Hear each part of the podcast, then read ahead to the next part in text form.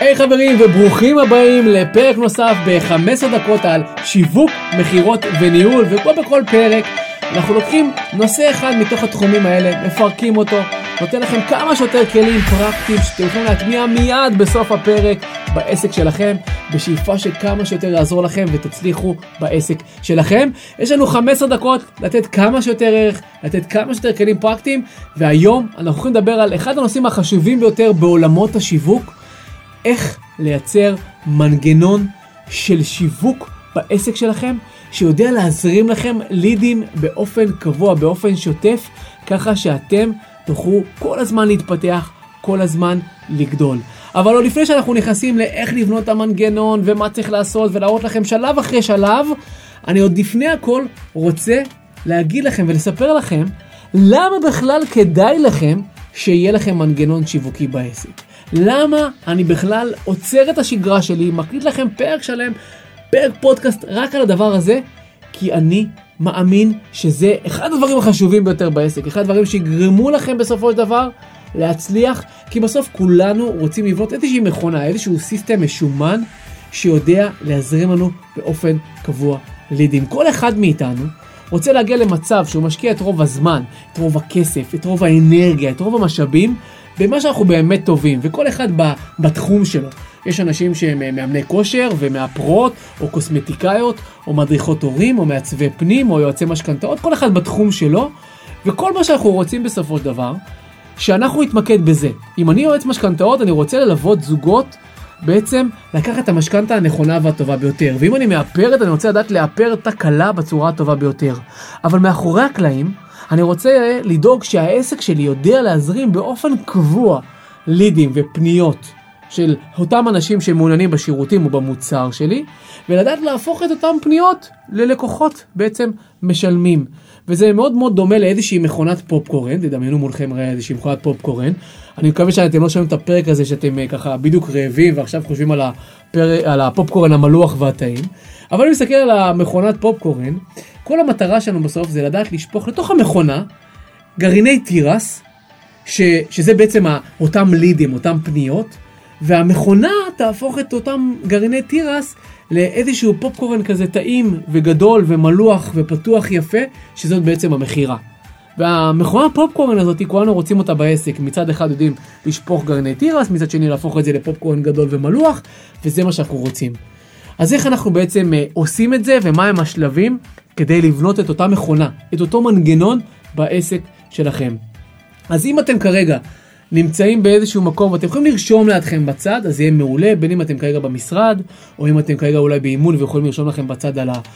באיזושהי טיוטה באייפון או בטלפון, אה, זה יכול מאוד מאוד לעזור לכם, כי אני הולך להראות לכם פה שישה שלבים, אם לא אתם כרגע באיזושהי נסיעה, תחזרו לפרק הזה, תשמעו אותו פעם נוספת, רק שהפעם תרשמו לכם את זה ותתחילו להטמיע את זה בעסק שלכם. אז בואו ניכנס לשישה שלבים ובואו נראה מה השלב הראשון. והשלב הראשון שאני רוצה לדבר עליו, כדי לבנות את המנגנון, כדי לבנות את המכונה, זה קודם כל לבוא ולהגדיר את קהל היעד שלכם. תגדירו את הקהל יעד שלכם. למי אתם רוצים לפנות בעסק שלכם? עכשיו אם אתם כרגע אומרים לעצמכם ועונים לעצמכם בלב, בלב ואומרים לעצמכם, אנחנו פונים בעסק שלנו לכולם, אז אתם עושים טעות. פעם אמר את זה איש אה, מאוד מאוד חזק בעולם השיווק, כשאנחנו פונים לכולם, אנחנו בעצם פונים לאף אחד. ובגלל זה, המטרה שלנו היא לשבת ולהגדיר את קהל היעד. תגדירו את קהל היעד שלכם. האם אתם פונים לשני המינים? האם אתם, לאיזה טווח גילאים אתם פונים? מה הסטטוס של הקהל שלכם? האם זה אנשים שהם יותר נשואים, מאורסים, רווקים, לפני צבא, אחרי צבא? מה המעמד הסוציו-אקונומי של הקהל שלכם? מה האזור מגורים שלהם, איפה הם גרים, מה המגזר שלהם, האם מגיעים מגזר מסוים, יותר דתיים, חרדים, ערבים, צרפתים, אם יש איזשהו מגזר זה יכול מאוד מאוד לעזור לנו. תחומי עניין, מה הם תחומי העניין של קהל היעד שלכם? מה המטרות של קהל היעד שלכם? מה הם רוצים להשיג? מה הכאבים של קהל היעד שלכם? מה הבעיות של קהל היעד שלכם? שבו ותגדירו את הקהל היעד שלכם בצורה הטובה ביותר. זה השלב הראשון, ותעשו לי טובה, תעשו את זה עם דף ועט. אל תעשו את זה בראש. מה שאתם עושים בראש נשאר בראש. תרשמו את זה, זה יקבל משמעות הרבה יותר גדולה. השלב השני הוא בחירת ערוצי שיווק רלוונטיים. אם בשלב הראשון הגדרנו את קהל היעד, עכשיו אנחנו רוצים לבחור את אותם ערוצי שיווק שהם רלוונטיים לקהל היעד שלנו. עכשיו אני כבר רוצה שתימנעו מטעות שמאוד פופולרית אצל בעלי עסקים ואצל אנשי שיווק, שכשאני שואל אותם בכל מיני הרצאות וסדנאות שאני מעביר, איפה אתם היום משווקים? אז הם מספרים לי שהם משווקים לרוב באותן פלטפורמות, פייסבוק ואינסטגרם. פייסבוק ואינסטגרם. ולמה אני אומר שזו טעות? כי חברים לימדו אותנו כבר בכיתה א', ב', ג', שלא שמים את הביצים בסל אחד. אנחנו רוצים לפזר את הביצים בכמה ערוצי שיווק. אנחנו רוצים לפזר השקעות בכמה מקומות. אנחנו רוצים לפזר סיכונים בכמה מקומות. אותו דבר בשיווק. אנחנו רוצים להשתמש ביותר ערוצי שיווק ולא רק בפייסבוק ואינסטגרם, כי אנחנו יודעים שפייסבוק ואינסטגרם יש מצבים ויש תקופות שהמדיה יותר יקרה ויותר משתגעת ופתאום אה, המדיניות משתנה, האלגוריתם משתנה, פתאום יש תקופת חגים ופתאום יש איזשהו מבצע צבאי ופתאום יש בחירות. לא רוצה לשים את כל הביצים שלי, את כל הז'וטונים שלי, רק על זה פייסבוק אינסטגרם, אני רוצה להשתמש ביותר ערוצים. עכשיו אם שואלים את עצמכם איזה ערוצים, באילו ערוצים אני עוד יכול להשתמש, אני פורס בפניכם רק חלק. זה כמובן יכול להיות פייסבוק, כמובן יכול להיות אינסטגרם, אבל יש לנו גם גוגל, ויש לנו גם טיק טוק, ויש לנו גם יוטיוב, ואתר אינטרנט, ולינקדין אם אני בעצם בא ומשווק B2B, business to business, עם המוצר או השירית נותן פתרון לעסקים, זה מעולה, והרצאות שזה בעצם ערוץ מדהים לשיווק, אני יכול לעשות הרצאות פרונטליות, הרצאות בזום, אני רק מחכה שמישהו יזמין אותי להרצאה, שאני יודע שקהל היעד שלי נמצא שם, אני יודע שאני הולך להביא מזה אחלה לידים, וזה יכול להיות כנסים, וזה יכול להיות ימים פתוחים שאני עושה בעסק שלי, וזה יכול להיות כמו שאתם שומעים כרגע, פודקאסט שלכם. כשאתם מקליטים פודקאסט זה אחלה ערוץ שיווקי, כי מי ששומע עכשיו את הפודקאסט הזה ויפנה לקבל את אחד השירותים שלי, הוא יגיע הרבה יותר מבושל, הרבה יותר טוב, הרבה יותר חם, כי הנה, בילינו פה כבר איזה 15 דקות, ואם זה הפרק הראשון שלכם, אז רק 15 דקות. אם כבר שמעתם כמה פרקים, אז שמעתם כבר כמה פרקים, אתם מגיעים הרבה יותר חמים. ועוד ערוצי שיווק, זה יכול דיבור, שליחת מיילים, וזה יכול דיבור בוואטסאפ, וזה יכול להיות אה, חבר מביא חבר, אני מתגמל אנשים שמביאים חברים שלהם, וזה יכול להיות שלטי חוצות, וזה יכול להיות עיתונות, וזה יכול להיות פליירים, וזה יכול להיות שיתופי פעולה, כל כך הרבה ערוצי שיווק שיכולים להיות, והדרך שלי לדעת מהם ערוצי השיווק הנכונים, כי אני בטוח שאמרתי לכם כרגע עיתונות או פליירים, אולי הרמתם גבה ואמרתם, זה ערוצי שיווק ששייכים אה, לפני 10 או 20 שנה, אז חברים תתפלאו שלא. מאוד תלוי לאילו ערוצי, לאילו, סליחה, קהלי יעד אנחנו פונים. אם קהל היעד שלי נמצא בעיתונות, אם קהל היעד שלי לצורך העניין הוא דתי, אז הוא נמצא בעיתונות. אם הקהל יעד שלי אני פונה יותר לגיל שלישי, הוא גם נמצא בעיתונות. פליירים גם יכול מאוד להיות לאנשים שהם דתיים, או לעולים חדשים. יש מקומות שאני בעצם יודע שאני רוצה להיות שם, כי קהל היעד שלי נמצא שם. ולכן המטרה היא לבחור בין חמישה לשישה ערוצי שיווק כדי לבנות את המנגנון השיווקי. אז חברים, שלב שני, לבחור חמישה, שישה ערוצי שיווק. השלב השביעי, אחרי שעשינו את השני שלבים הראשונים, זה לבחור את המוצרים או את השירותים שאנחנו רוצים לקדם בעסק שלנו. אנחנו צריכים לבחור מהם אותם מוצרים, מהם אותם שירותים שאנחנו רוצים למכור. ולרוב יש לנו בכל עסק מוצר חדירה או שירות חדירה, שזה איזשהו שירות טעימה שלי, כמו מפגש בודד, פגישה בודדת, טיפול בודד, איזשהו מוצר שהוא מוצר חדירה. יש לנו את מוצר הבסיס, ותמיד יש לנו את מוצר הפרימיום, שזה משהו בעל ערך גדול יותר. ואני מאוד אוהב לקדם כחלק מהשיווק, כחלק מהמנגנון השיווקי, את מוצר החדירה שלי.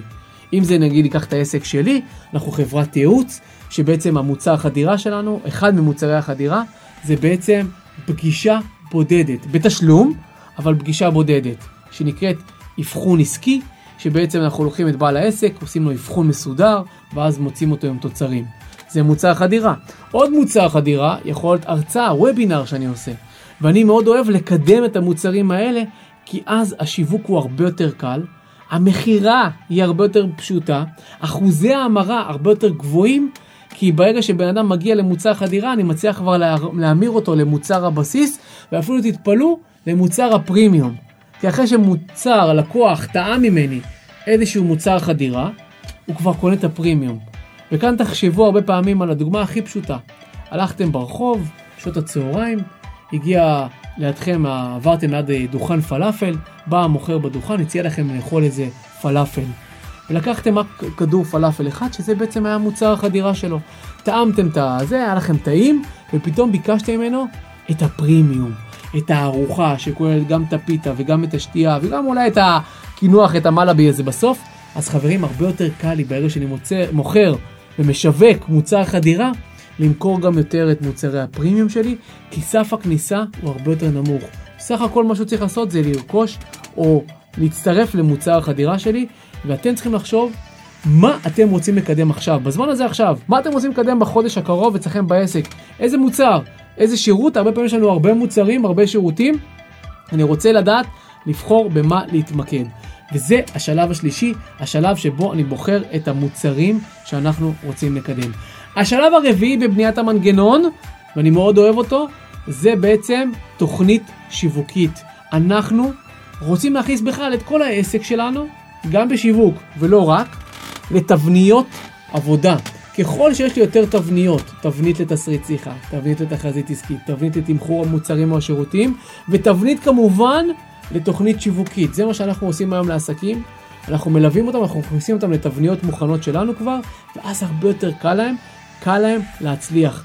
ופה התבנית השיווקית הזאת, איזושהי תבנית, איזשהו גאנט, איזושהי תוכנית מסודרת, שבה אני מגדיר וקובע מראש מה הם אותן פעולות שאני הולך לעשות בחודש הבא. ברמת היום יום שלי, מה אני הולך לעשות בראשון לחודש ובשני לחודש ובעשירי ובעשרים.